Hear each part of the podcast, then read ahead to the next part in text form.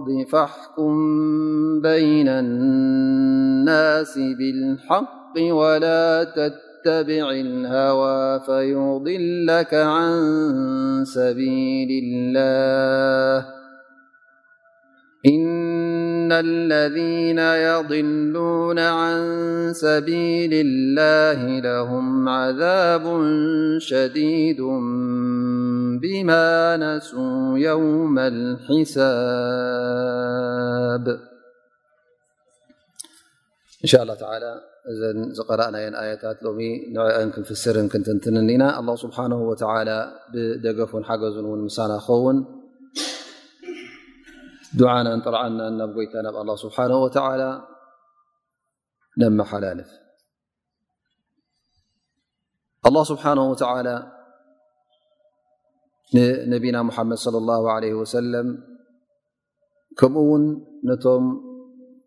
ነቢ ሙሓመድ صለ ላه ለ ወሰለም ዳዕዋ ዝገብረሎም ዝነበረ ናብ እስልምናን ናብ ኢማን ንክኣት ካብቲ ዝነበርዎ ሽርክን ጥፍኣትን ውን ካብኡ ንክቁጠቡ ዝቃለሶም ዝነበረ ኣላ ስብሓን ወተላ እቲ ናይ ቅድሚ ሕጂ ዝነበረ መርገፅ ናይቶም ዝሓለፉ እማታት ጌጋን ገበናትን እሞ ከዓ ሳዕቤኑ ጥፍኣትን ህልቀትን ከም ዝነበረ ኣላ ስብሓን ወተላ ብኡ የዘኻኽሮም ኣሎ ማለት እዩ ነቶም ክሓቲ መጠንቀቕታ ይኾኖም ነቶም ዝኣመኑ ከዓ ነቶም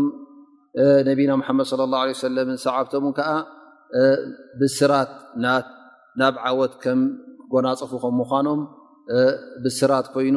ንዕኦም ውን እንታይ ይኾኖም ማለት እዩ ዝያዳ ናፍቲ ሒዞሞ ዘለዉ ወይ ከዓ ኣብቲ ሒዞሞ ዘለዉ መርገፅ ንክቕፅሉን ፈፂሞም ድሕሪት ንኸይምለሱን ኣላ ስብሓን ወተዓላ እነሀ የተባብዖም ኣሎ ማለት እዩ የዘናግዖም ኣሎ ማለት እዩ ኣጆኹም ቀፅሉ ኣብ ሓቂኹም ዘለኹም መጨረሻ ዓወት ውን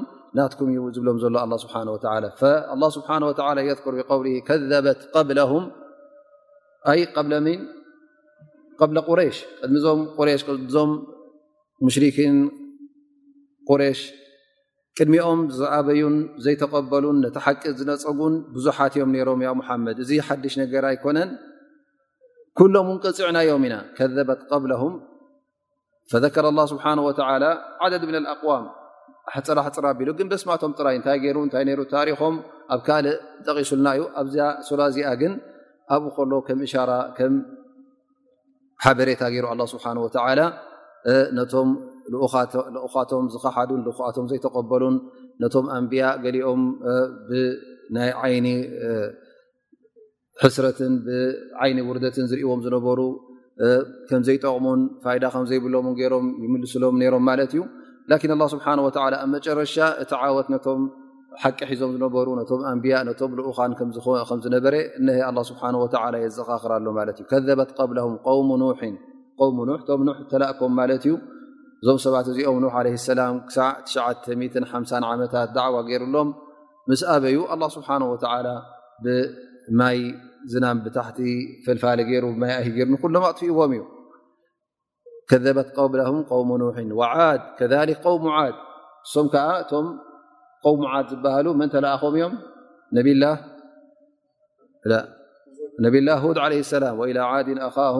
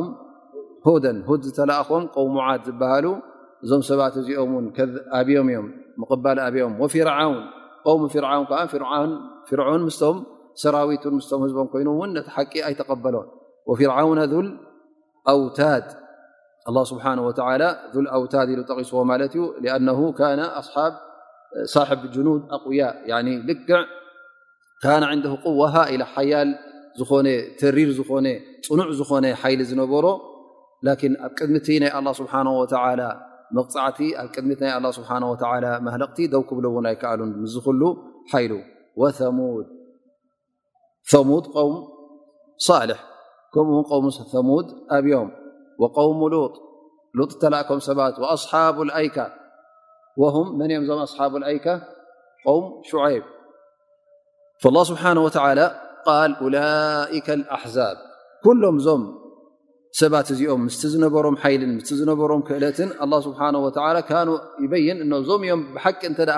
ክመዛዘም ኮይኑ እቲ ሓይሊ ናይ እዞም ህዝብኻ ያ ሙሓመድ እዞም ቆረሽ እዚኦም ከምኡውን ሓይሊ ናይ ቆውሙ ዓድ ይኹን ናይ ቆውሙ ተሙድ ይኹን ናይ ህዝቢ ፊርዖን ይኹን እቲ ዝሓለፈ እተ ክመዛዘም ኮይኑ እቶም ዝሓየሉን ዝበርትዑን እዞም ዝሓለፉ እዮም ነሮም ኣላ ስብሓን ወተላ እቲ ሂቦም ዝነበረ ሓይሊ ካብቲ ነዞም ቆሬሽ ሂቦዎም ዘሎ ሓይሊ ዝበርትዐን ዝለዓለን እዩ ነይሩ ብናይ ሰራዊት ይኹን ብናይ ስልጣን ይኹን ብናይ ካልእ ዓይነት ሓይሊ እውን ብርቱዓት እዮም ነይሮም ላን ኩሎም እዞም ሰባት እዚኦም ምስተ ሓይሎም ክጠቕሞም ኣይከኣለን ፈየቁል ላ ስብሓን ወተላ እን ኩሉ ኢላ ከዘበ ሩሱላ ፈሓቃ ዒቃብ እዞም ኩሎም እንታይ እዩ ሕጂ ዘራኽቦም እንታይ እዩ ሓደ ነገር ዝጠምሮም እንታይ እዩ ማእስያ ንልኡኾም ነቲ ኣላ ስብሓን ወተላ ዝለኣኸሎም እንታይ ገይሮም ነፂጎሞ ማለት እዩ እን ኩሉ ኢላ ከዘበ ሩሱላ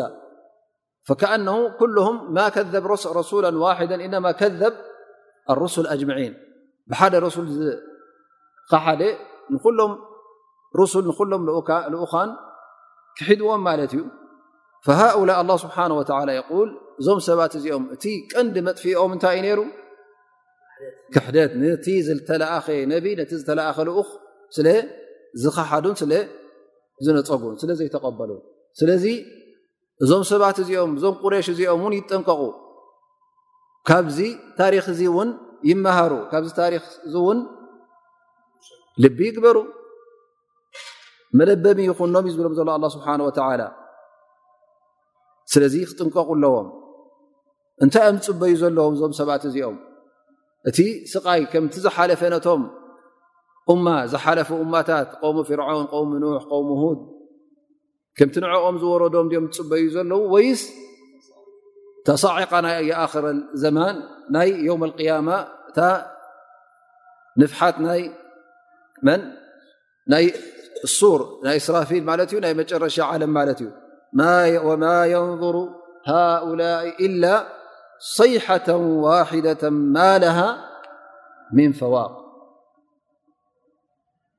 ንክኣምኑ እተ ኮይኖም ስክሳዕታ ናይ ዮም ቅያማ መዓልቲ ትመፅእ ትንፈሓላ መዓልቲ ንሳድ እዮም ዝፅበዩ ዘለዉ ወይስ ከምቲ ናብቶም ሙሽርኪን ክቅሚኦም ዝነበሩ ክሓቲ ከምቲ ናቶም ዝወረዶም ዘን እማ እዞም ሰባት እዚኦም እተ ስቃ ይፅበዩ ኣለዉ ኮይኖም ወይ ከዓ እቲ ናይ ዮም ቅያማ ብዓይኖም ክሳዕ ዝርእዎ ክኣምኑ እተ ኮይኖም እዚ ነገር እዚ እንተ መፅኡ ቶባ ዝበሃል የለን እተ እዚ ነገር እ መፅኡ እውን ማለሃ ምን ፈዋቅ ማሃ ምን ርጁዕ ምምላስ ዝበሃል የለን ንሳ እተ መፅኣ ከዓ ናይ መጨረሻ እያ ስለዚ እዛ መዓልቲ እዚኣ ማ የንظሩ ሃؤላ ኢላ ይሓ ፈዛዕ እሳ ከዓ እቲ ስራፊል ኣንዊሑ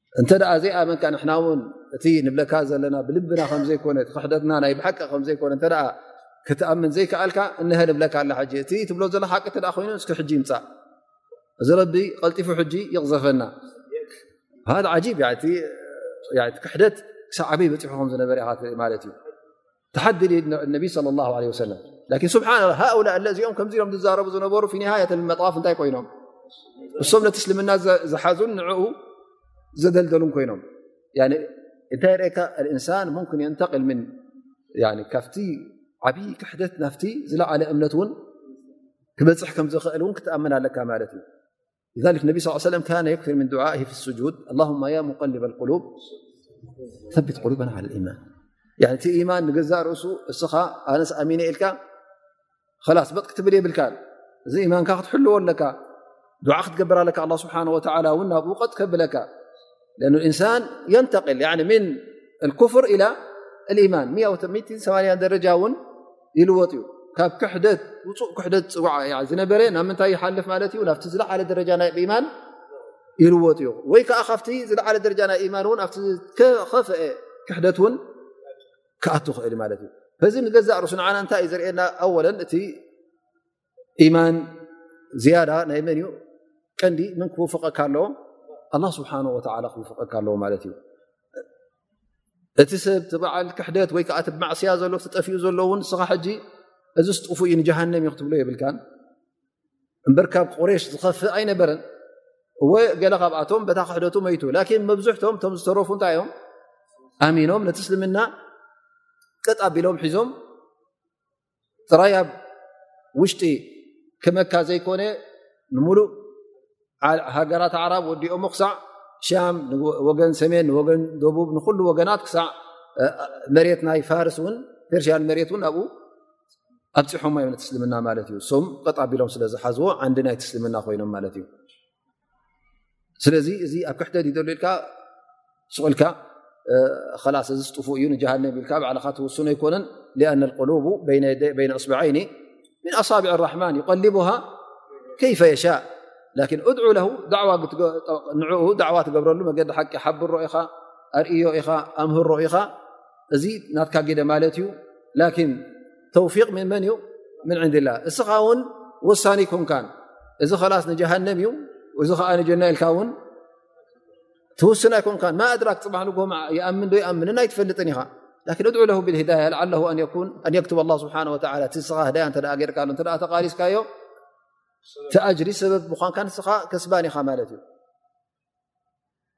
እነቢ صለ ላه ለ ወሰለም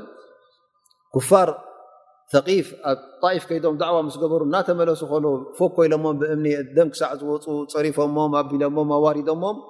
እናተመለሱ ከለዉ ጅብሪል መፅዎም ማለት እዩ ጅብሪል ኢሎሞ ኣነ ኣላ ስብሓን ወተላ ምስ መለከ ልጅባል ናይ ጎቦታት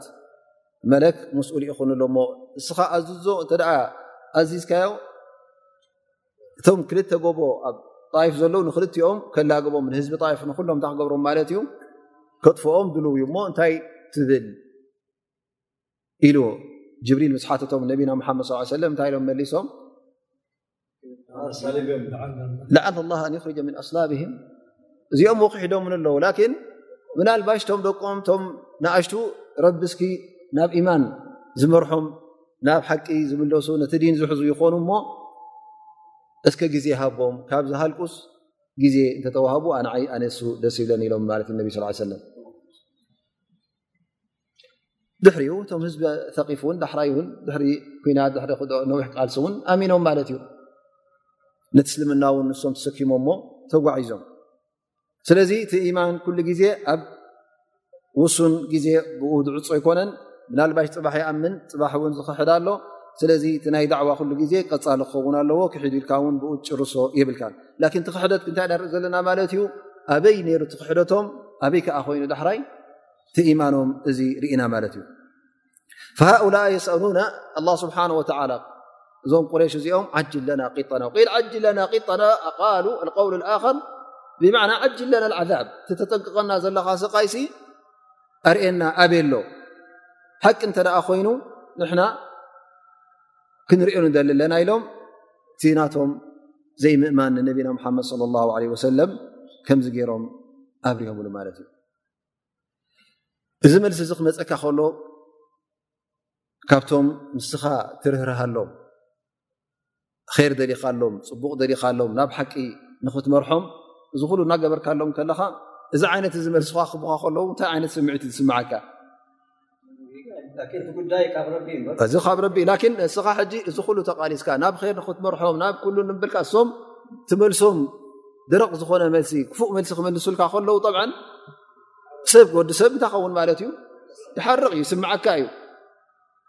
ላ ስብሓ ወላ ነቢና ሓመድ ለ ላ ለ ወሰለም ምእንቲ ከይሓርቁ ምእንቲ ከይሽገሩ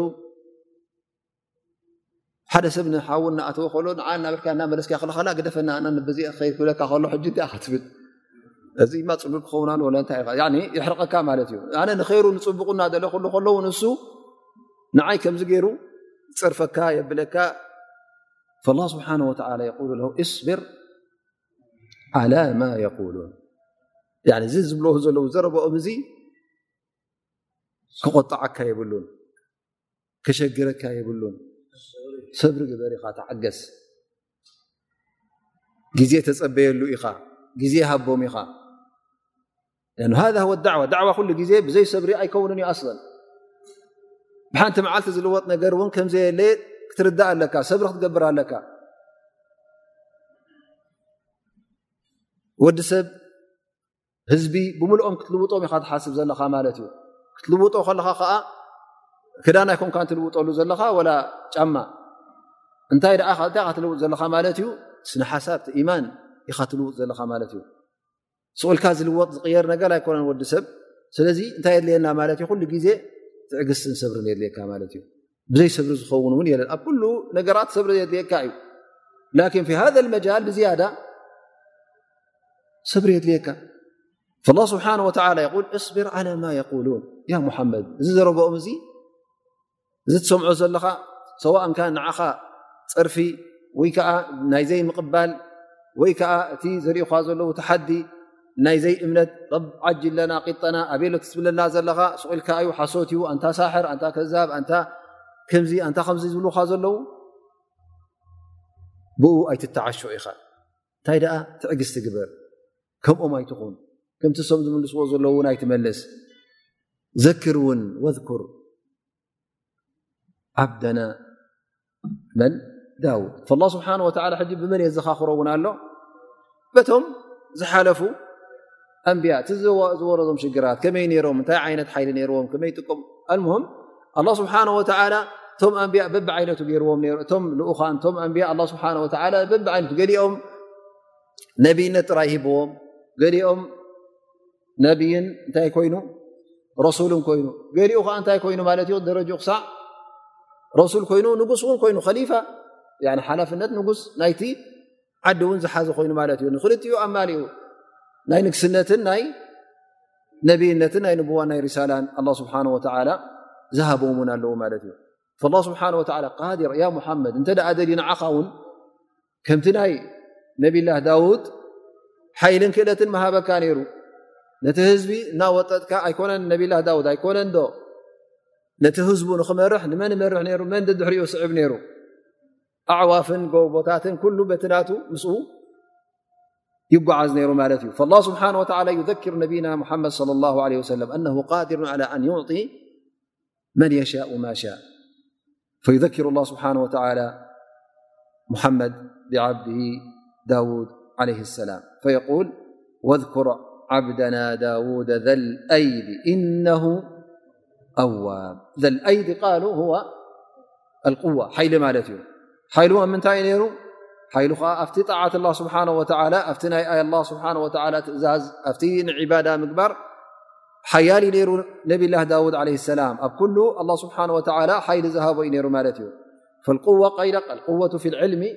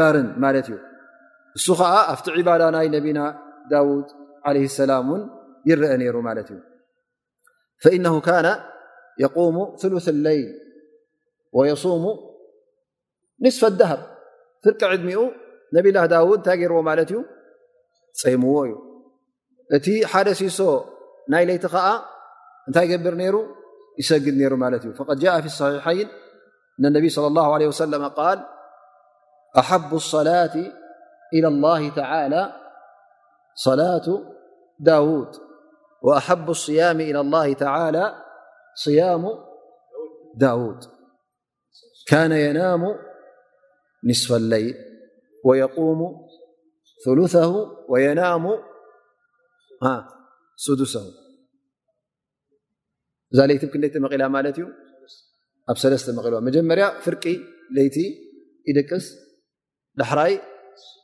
ሓደ ሲሶ ናይ ለይቲ እውን ይትስእ ድሕሪኡ ክንደይ ድቅስ ማለት እዩ ሓደ ሽዱሽት ማለት እዩ እዘን እታይ ድሕር ሽዱሽተ ሰዓት ኮይና ለይቲ ኣብ ሽዱሽተ ተመቂልናያ መጀመርያ ሰለስተ ሰዓት ይድቅስ ድሕሪኡ ክልተ ሰዓት ንዒባዳ ናይ ሰላት ይገብሮ ድሕሪኡ ሓንቲ ሰዓት ድቃስ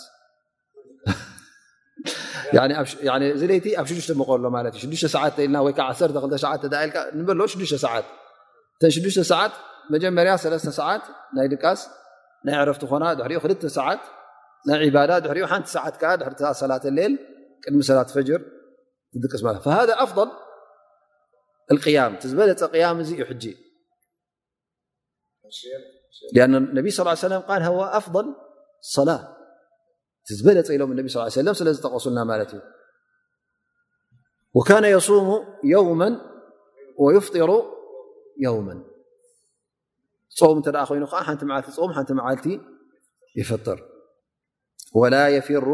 ኢዛ ላቃ ኣነ ካነ ኣዋባ ኣብ ጅሃድ ኣብ ዓውዲ ኩናት ክኸውን ከለውን ፈፂሙ ንድሕሪት ኣይምለስን እዩ ነይሩ ግን እንተ ደኣ ተጋግው ናብ ሓቂ ተመላሳይ ኩሉ ግዜ መቕፊራ ካብ ኣላ ስብሓን ወተዓላ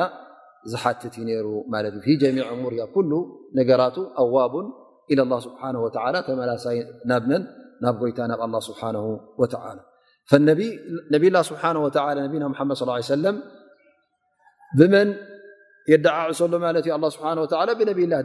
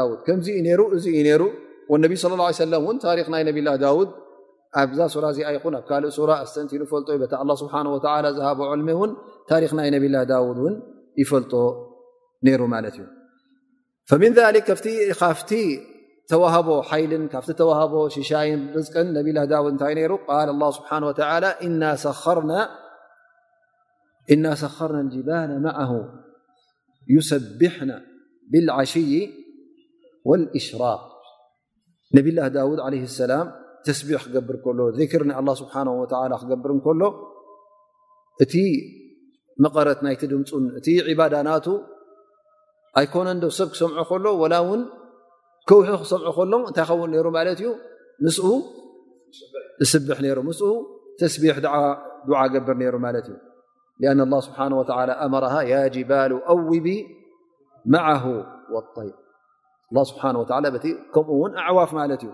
ኩሉ ብንዕኡ ይስብሕ ነይሩ ማለት እዩ በቲ ተስቢሕ ናቱ በቲ ተስቢሕ ናይ ነብላ ዳውድ ዘቡር ክቐርእ ከሎ ይኹን ወይ ከዓ ተስቢሕ ክገብር እንከሎ እዚ ነገር እዚ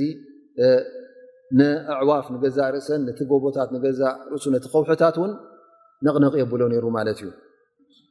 ፈቂላ ሓታ ን ጥዩር ኣዕዋፍ ብልዕሊኡ ክሓልፋ ከለዋ ክቀርእ ከሎ እንተ ሰሚዐንኦ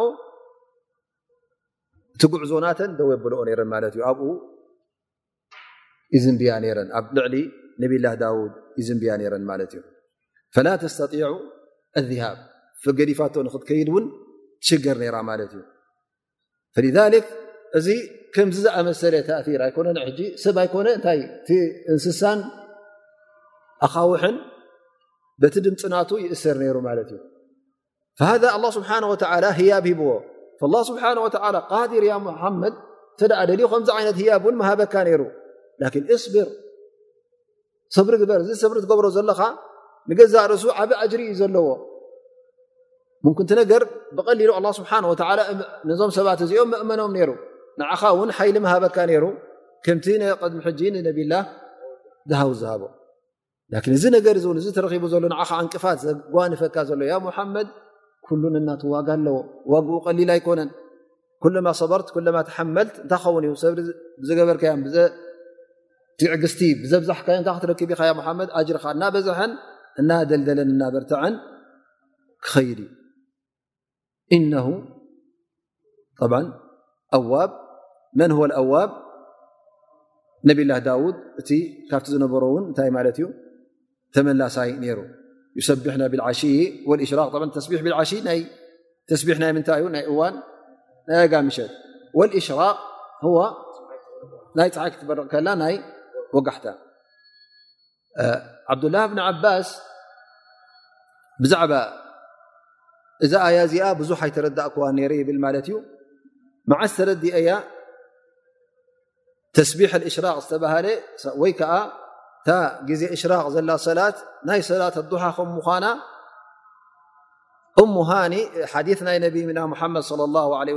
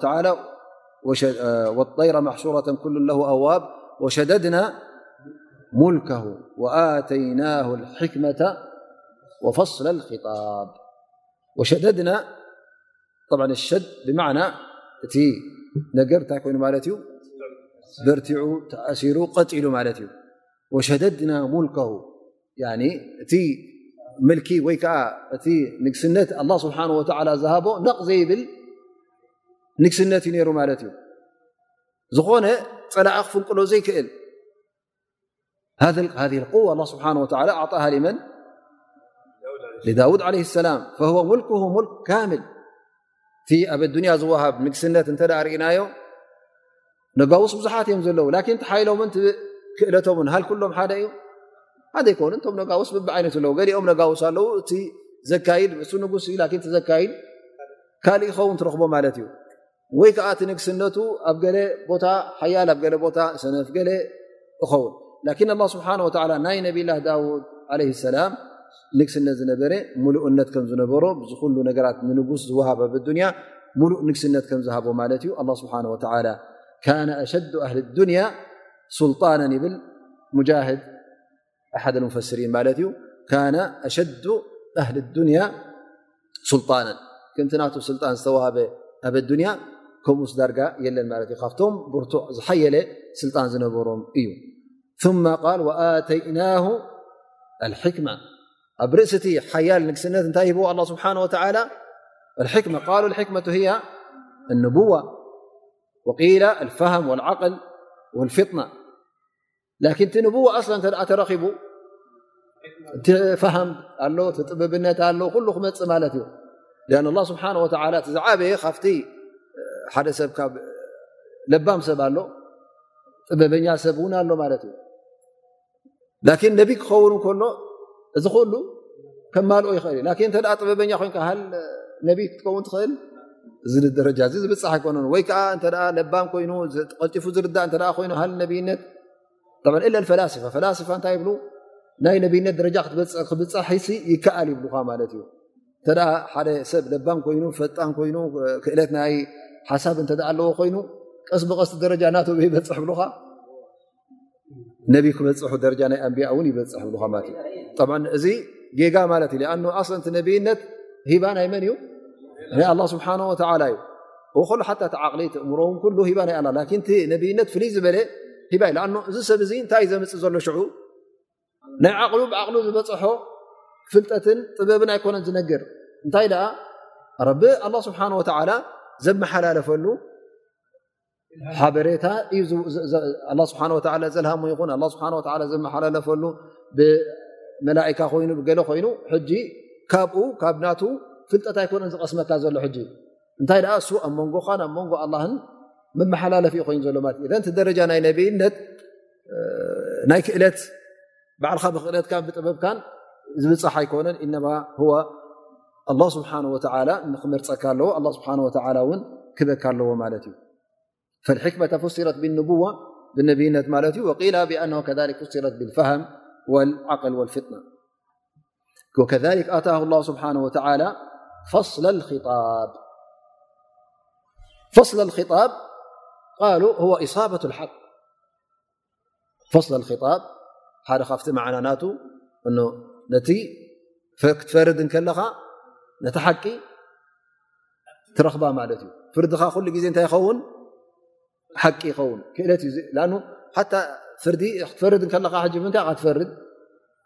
ዕልሚ ልغብ ኣይኮነን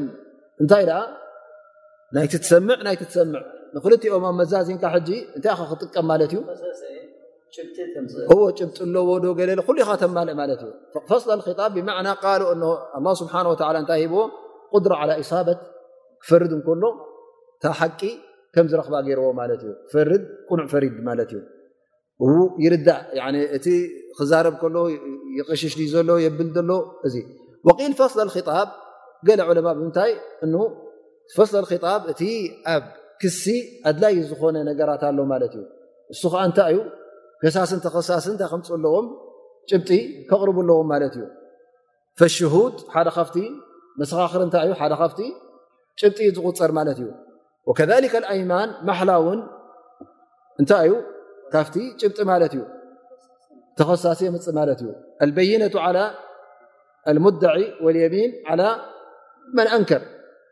እቲ ከሳሳይ ኩሉ ግዜ ኣነ ከምዝ ከምዝን ኢለ ከሲሶ የለኹ እከለ ክትብል ከለኻ ፈራዳይ እንታይ ክብለካ እዩ ጭብጢ ምፅ ክብለካ እዩ እቲ ጭብጢ ናካ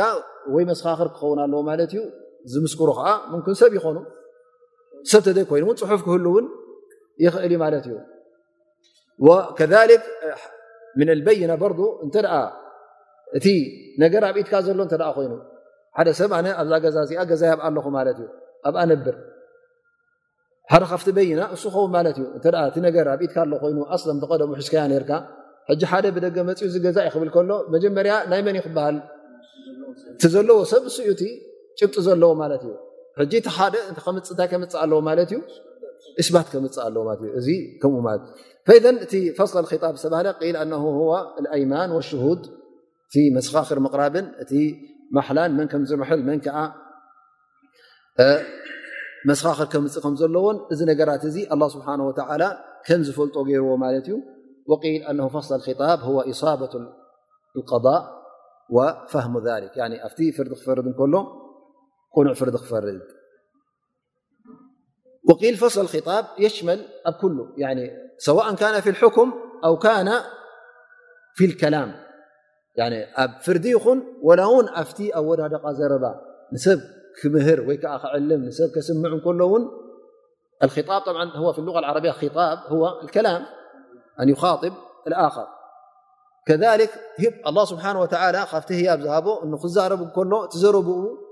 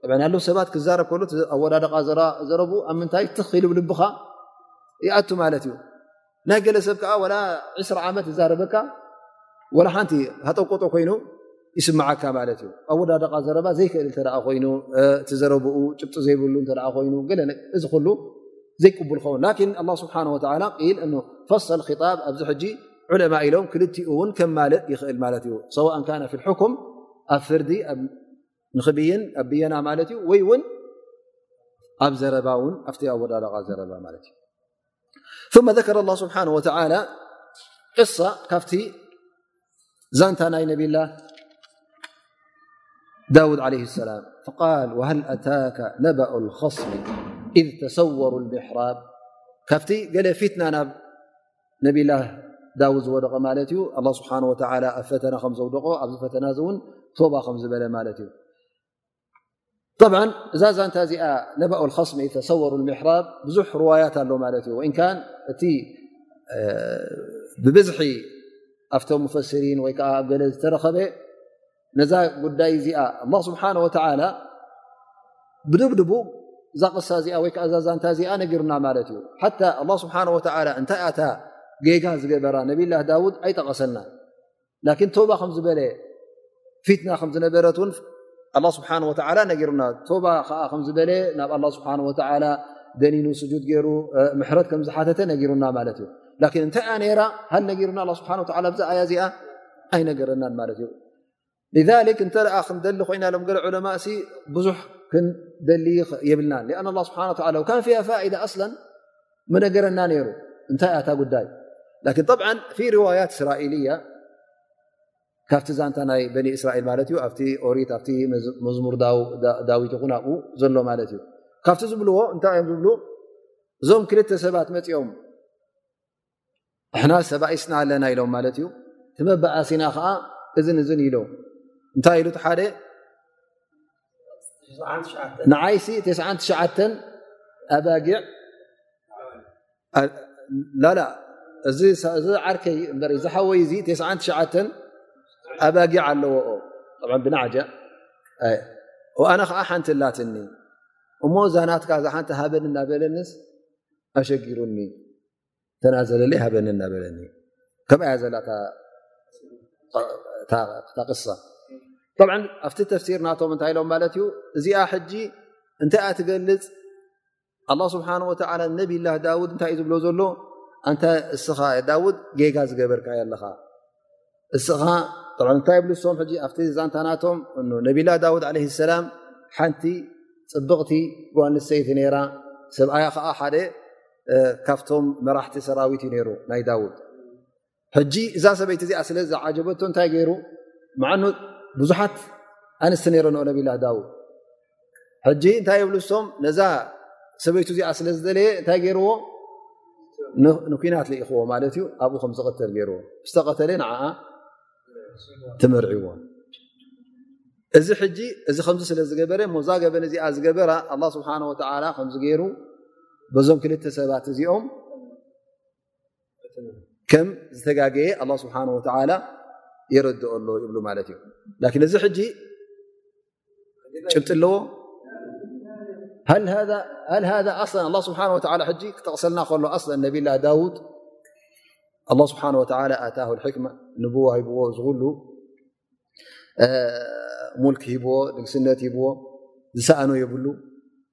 ኣታ ስብሓ ፈስላ ጣብ ላን እሶም ሕጂ ከምዚ ገይሮም ኣቕሪቦሞ ማለት እዩ ሃ ተፍሲር ኣስለን ጭብጢ የብሉን ርዋያ ሰሒሓ ርዋያ እስራኤልያ ማለት እዩ ከምዚ ገርና ስቁኢልካ ኣብቲ ሓንሳዓንሳ ከም ተፃሒፉ ክፀንሓካ ከሎ ስቁኢልካ እውን ክትቀበሉ የብልካ ማለት እዩ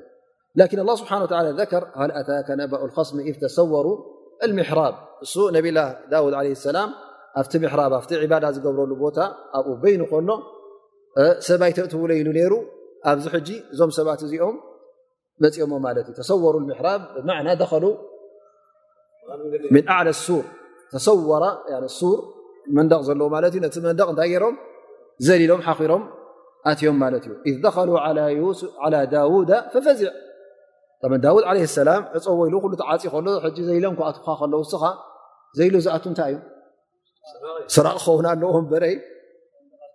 ጥዑይ ሰብ ኣይትብልን ኢኻ ማት እዩ ሰንቢዱ ማ ዩ ቤን ኣትዮም ታይ ኣደልዮም ኢ ማት እዩ ቃሉ ላ ተኸፍ ኣጆካ ኢሎ ኣይትፍራ ንና ሕማቕ ዝደለና ወይከዓ ሰረቕቲ ይኮና ግን ተባኢስና ስብሓ ኣታ ፈሰል ጣብ ፈራዳ እዩ ነይሩ ክትፈርደና ኢና መፅናካ ዘለና ኸስማኒ በ ባዕና ዓ ባዕ ሕና ክልተ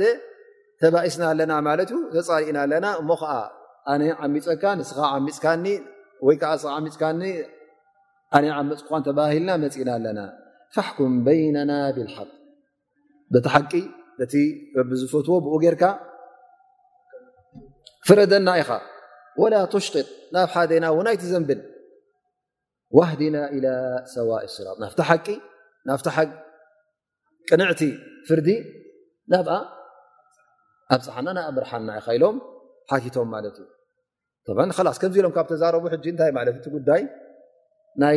ስርቂ ይኮኑ እዚኦም ናይ ባእሲ ይኮኑ ላኪን ሽግር ስለ ዘለዎም ኣትዮም ማለት እዩ ፈቃል እና ሃ ኣኺ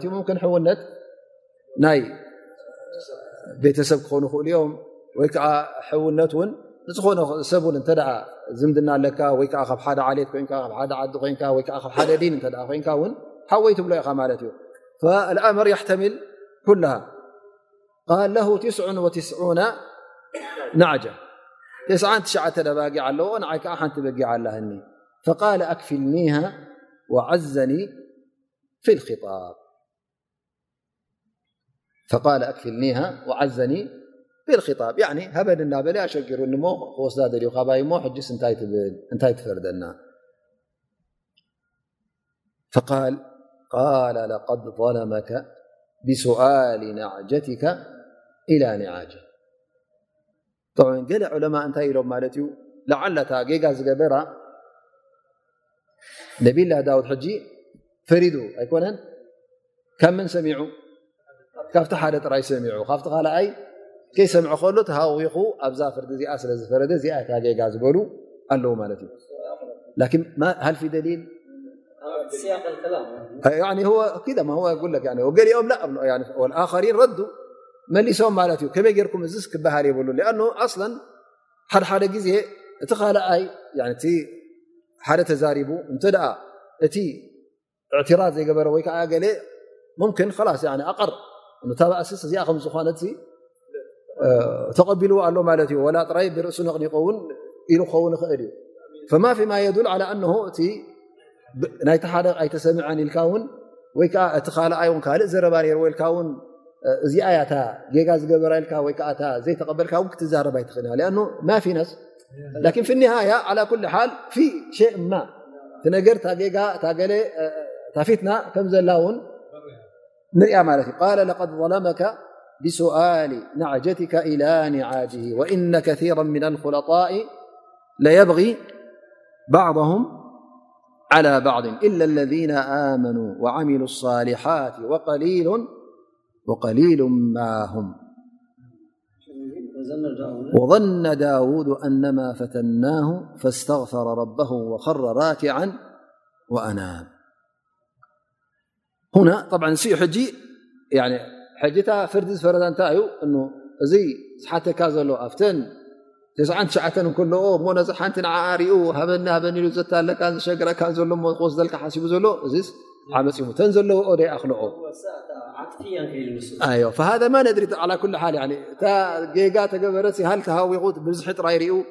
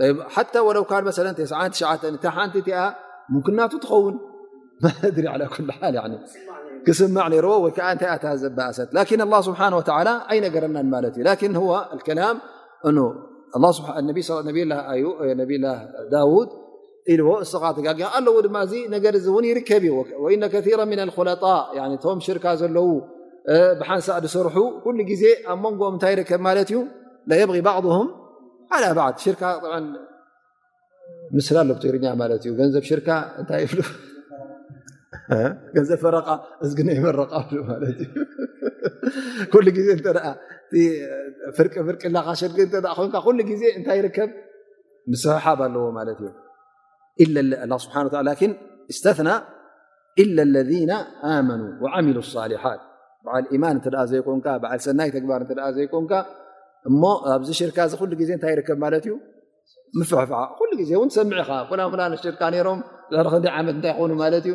ተባኢሶም ትሰምዕ ማለት እዩ እቲ ባእሲ ይርከብ ስለ ዝኾነ ኣ ወዲ ሰብ ጠማዕ እዩ ኩሉ ግዜ ጥራይ ናቱ ኣይኣኽሎን እዩ እንታይ ደኣ ናይ እንዳማት እውን ግልፅ ይብል ማለት እዩ ላ ተስዓን ትሽዓተን ሽሕ እንከለዎ ነቲ በዓል ሽሕ እታ ሽሕ ክሕድጎ እዩ ዝደሊ እዚ ዘሎ ማለት እዩ ክምልኣለይ ክኾናለይ ትብል ማለት እዩ ጠማዕ እንሳን ኣከዳ ፈኢዘ ኩሉ ግዜ እቲ በዓል ማል ካብ ማሉ ዝያዳ ክጠልብ የብሉን ክጥንቀቕ ኣለዎ ማለት እዩ እንተ ምስ ሰብ ሽርካ ኣሎ ኮይኑ ከዓ ዘይናቱ ክደሊ የብሉን ኢለ ለذ ኣመኑ ዓሚሉ ሳሊሓት እቲ ኢማን ሰናይ ተግባር ማን ብላ ስብሓን ወተላ ንሱ እዩ ካብ ገንዘብ ሓራም ውን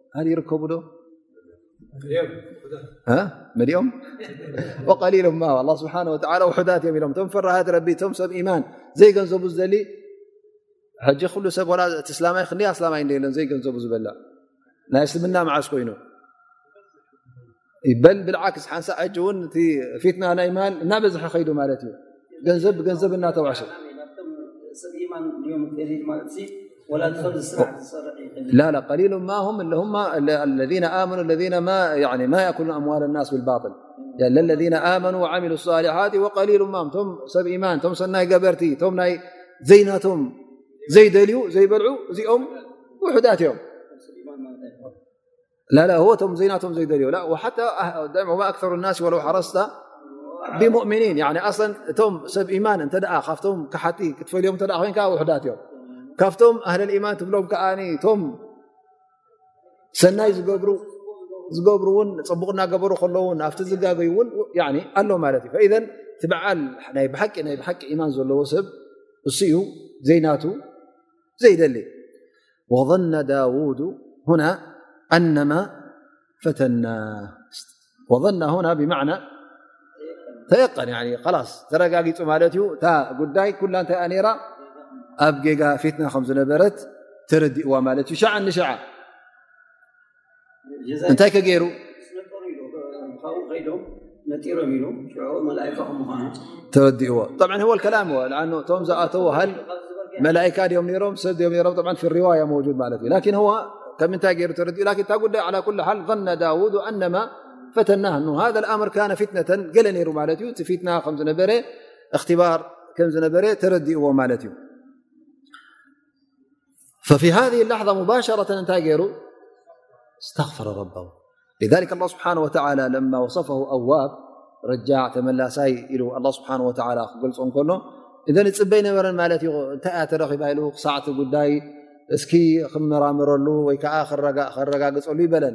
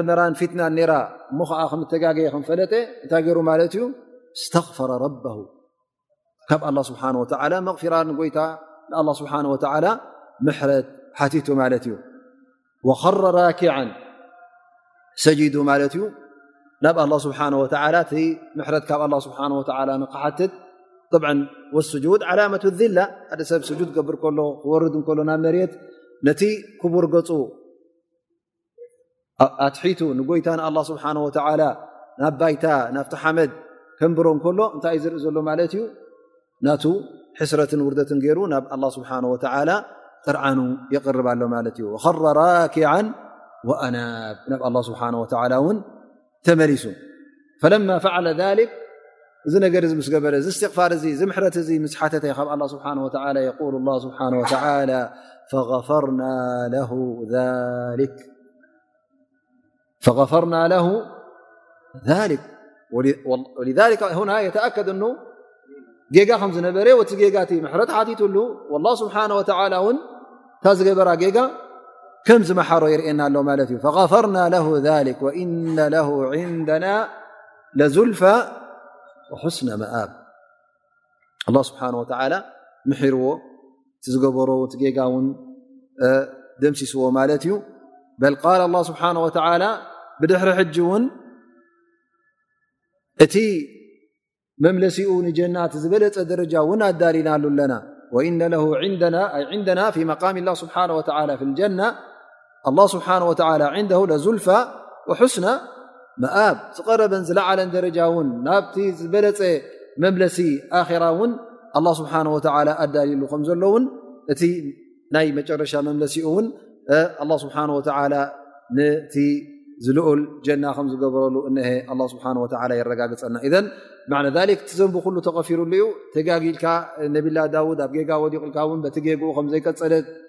ትርዳእ ኣለካ ማለት እዩ እቲ ምርጫ ናት እውን ኣላ ስብሓን ወተላ ንነብላ ዳውድ ምሩፅ ገይርዎ እዩ ምስተጋገ ምስ ተመሓረ እውን ዝያዳ ኣላ ስብሓን ወተላ እቲ ደረጃ ናቱ ኣይነከየሉን እንታይ ደኣ እቲ ደረጃ ናቱ ሕሉውን ዝለዓለ ደረጃን ከም ምኳኑ እነሀ ኣላ ስብሓን ወተላ ሓቢሩና ማለት እዩ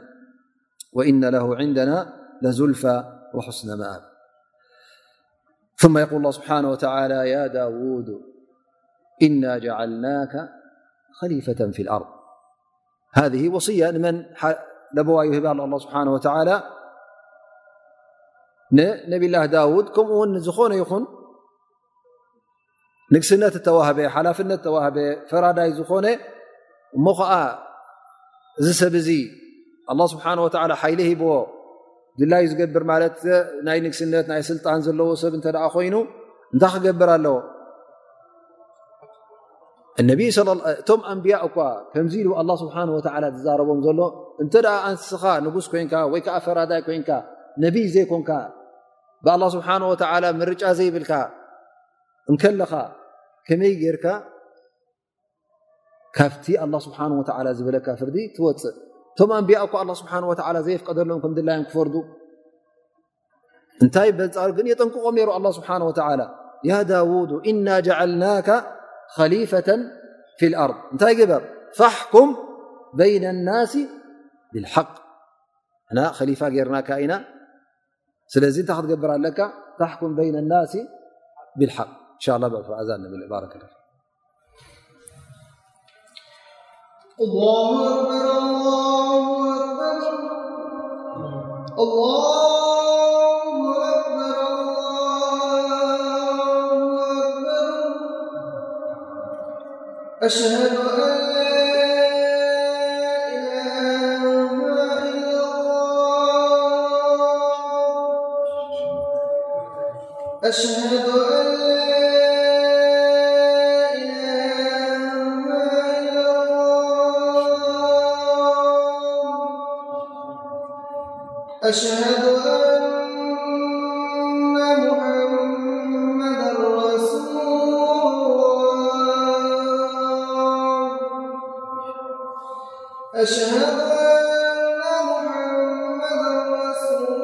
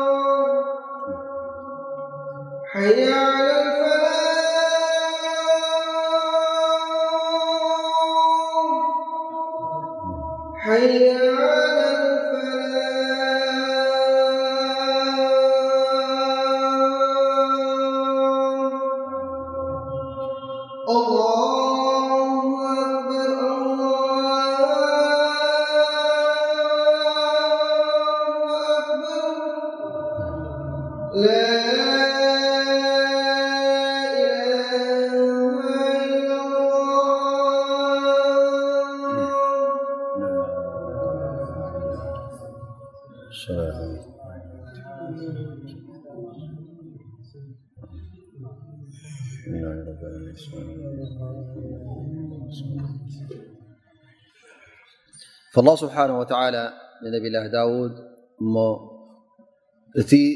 ንግስነት ተዋሂብካዮ ኣለኻ ኣላ ስብሓን ወተላ እውን ሂቡካ ኣሎ መራሒ ናይ ህዝቢ ገይሩካ ኣሎ ስለዚ ክትፈርድ ከለኻ በቲ ሓቂ ፍረድ ኢኻ በቲ ኣላ ስብሓን ወተላ ዝኣዘካ በቲ ክታብ ረቢ ገይርካ ብኡ ፍረድ ኢኻ ዝብሎ ዘሎ ስብሓን ወተላ ፋሕኩም በይነ ናሲ ብልሓቅ ወልሓቅ ወልክታቡ ክታብ ላ ስብሓ ወ እ ስብሓ ወ ዝበለካን እ ስብሓ ወ ዝኣዘዘካን ባዕልኻ ብወይንታኻ ዝፍረድ ነገር ኣይኮነን ፍርዲ እታኸውን ኣለዎ ማለት እዩ ካብቲ ሓቂ ሓቂ ከዓ ኣይና እዩ እቲ ኣ ስብሓ ወ ዝሓበረካ እ ስብሓ ወ ዝሃበካ መምርሒ ንዑ ተኸትልካ ደኣ ፍረድ ኢኻ እዩ ዝብሎ ዘሎ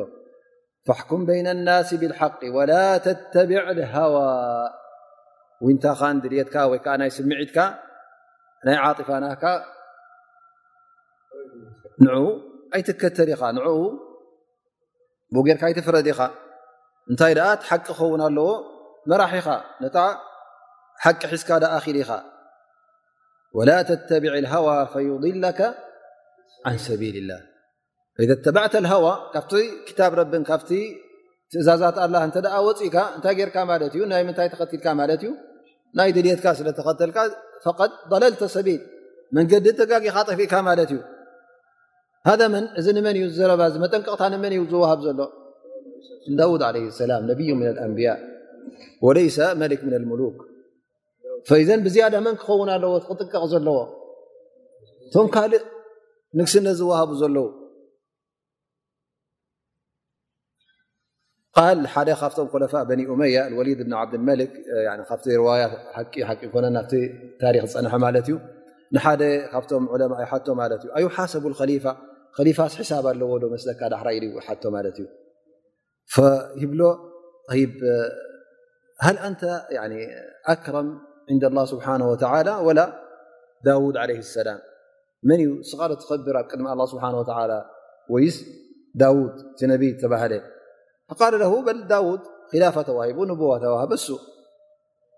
فرغم ذلك الله سبحانه وتعالى توعده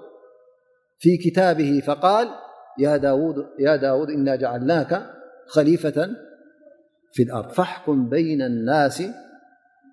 بالحق ولا تتبع الهوا فيضلك عن سبيلهاالله سبحانه وتالىزير نوي سلب الله سبحانه وتعالى